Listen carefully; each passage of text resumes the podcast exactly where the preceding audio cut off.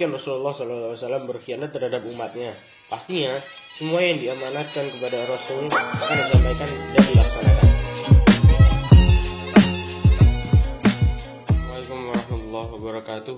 Saya Amar Baihaki Yasir dari kelas 11 MIPA 2 akan memberikan ceramah yang bertema mendeladani Rasulullah SAW.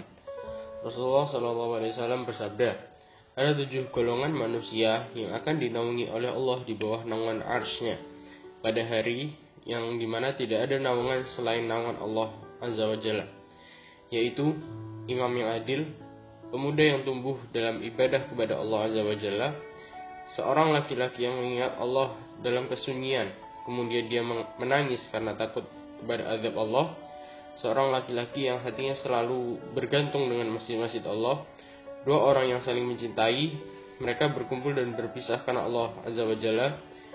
Dan seorang laki-laki yang diajak berzina oleh se seorang perempuan yang memiliki kedudukan dan dan cantik, akan tetapi dia menolak dan berkata, sesungguhnya aku takut kepada Allah. Dan seorang laki-laki yang bersedekah dengan sesuatu yang ia sembunyikan, sampai-sampai tangan kirinya tidak mengetahui apa yang dinafkah diinfakkan oleh tangan kanannya. Hadis riwayat Bukhari Muslim. Dalam hadis tersebut disebutkan tujuh golongan manusia yang dinaungi oleh Allah di bawah naungan arsnya pada hari di mana tidak ada naungan selain naungan Allah Azza wa Jalla. Salah satu dari tujuh golongan tersebut terdapat pemuda yang tumbuh dalam ibadah kepada Allah Azza wa Jalla. Pemuda merupakan sebuah penggolongan umur manusia yang berusia sekitar 14 sampai 12 tahun. Ketika seseorang berada pada usia remaja, terdapat banyak sekali godaan-godaan yang menghantui orang tersebut.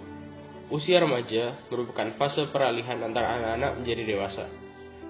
Di usia remaja, godaan-godaan tersebut silih berganti sesuai bertambahnya umur. Ketika masa SMP, pasti berbeda dengan SMA. Begitupun kuliah, pasti sangat berbeda dengan SMA. Di masa mudanya, Rasulullah merupakan sosok pekerja keras, jujur, cerdas, amanah, dan lain-lain. Sifat-sifat tersebut harus kita harus dimiliki oleh para remaja masa kini.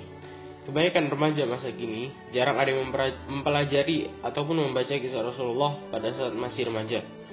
Sejak umur 12 tahun, Rasulullah sudah diajak oleh pamannya melakukan perjalanan bisnis ke Syam.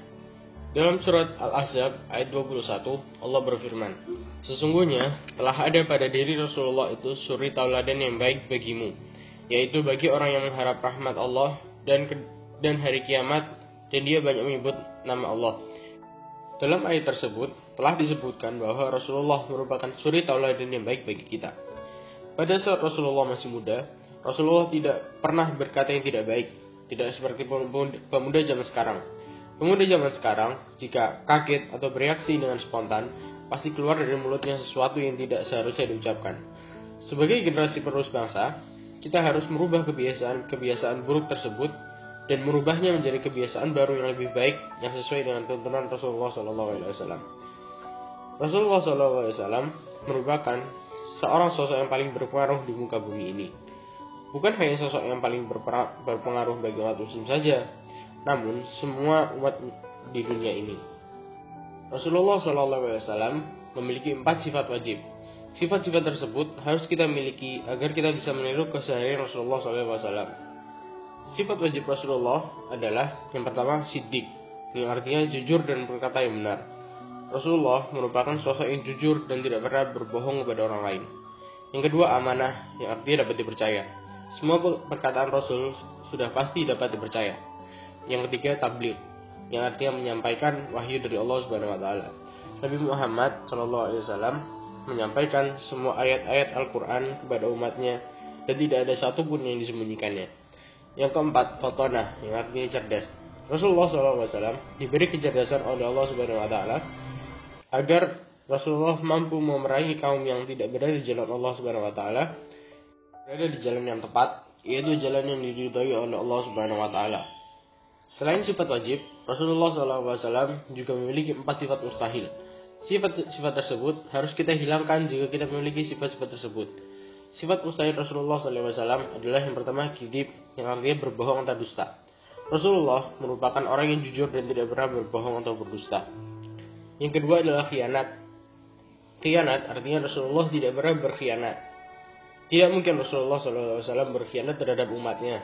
Pastinya, semua yang diamanatkan kepada Rasul akan disampaikan dan dilaksanakan. Yang ketiga adalah kitman, yang artinya menyembunyikan. Setiap wahyu yang diberikan oleh Allah Subhanahu wa taala kepada Rasulullah SAW akan disampaikan seluruhnya kepada umatnya tanpa terkecuali. Yang keempat adalah daladah yang artinya bodoh. Semua Rasul pilihan Allah tidak mungkin bodoh.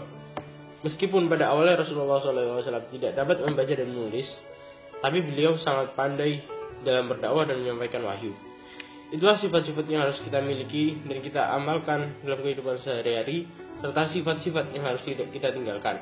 Semoga kita menjadi pribadi yang selalu meladani pribadi Rasulullah SAW agar kita dapat masuk ke dalam surga Allah Subhanahu Wa Taala. Amin ya rabbal alamin. Sekian dari saya. Wassalamualaikum warahmatullahi wabarakatuh.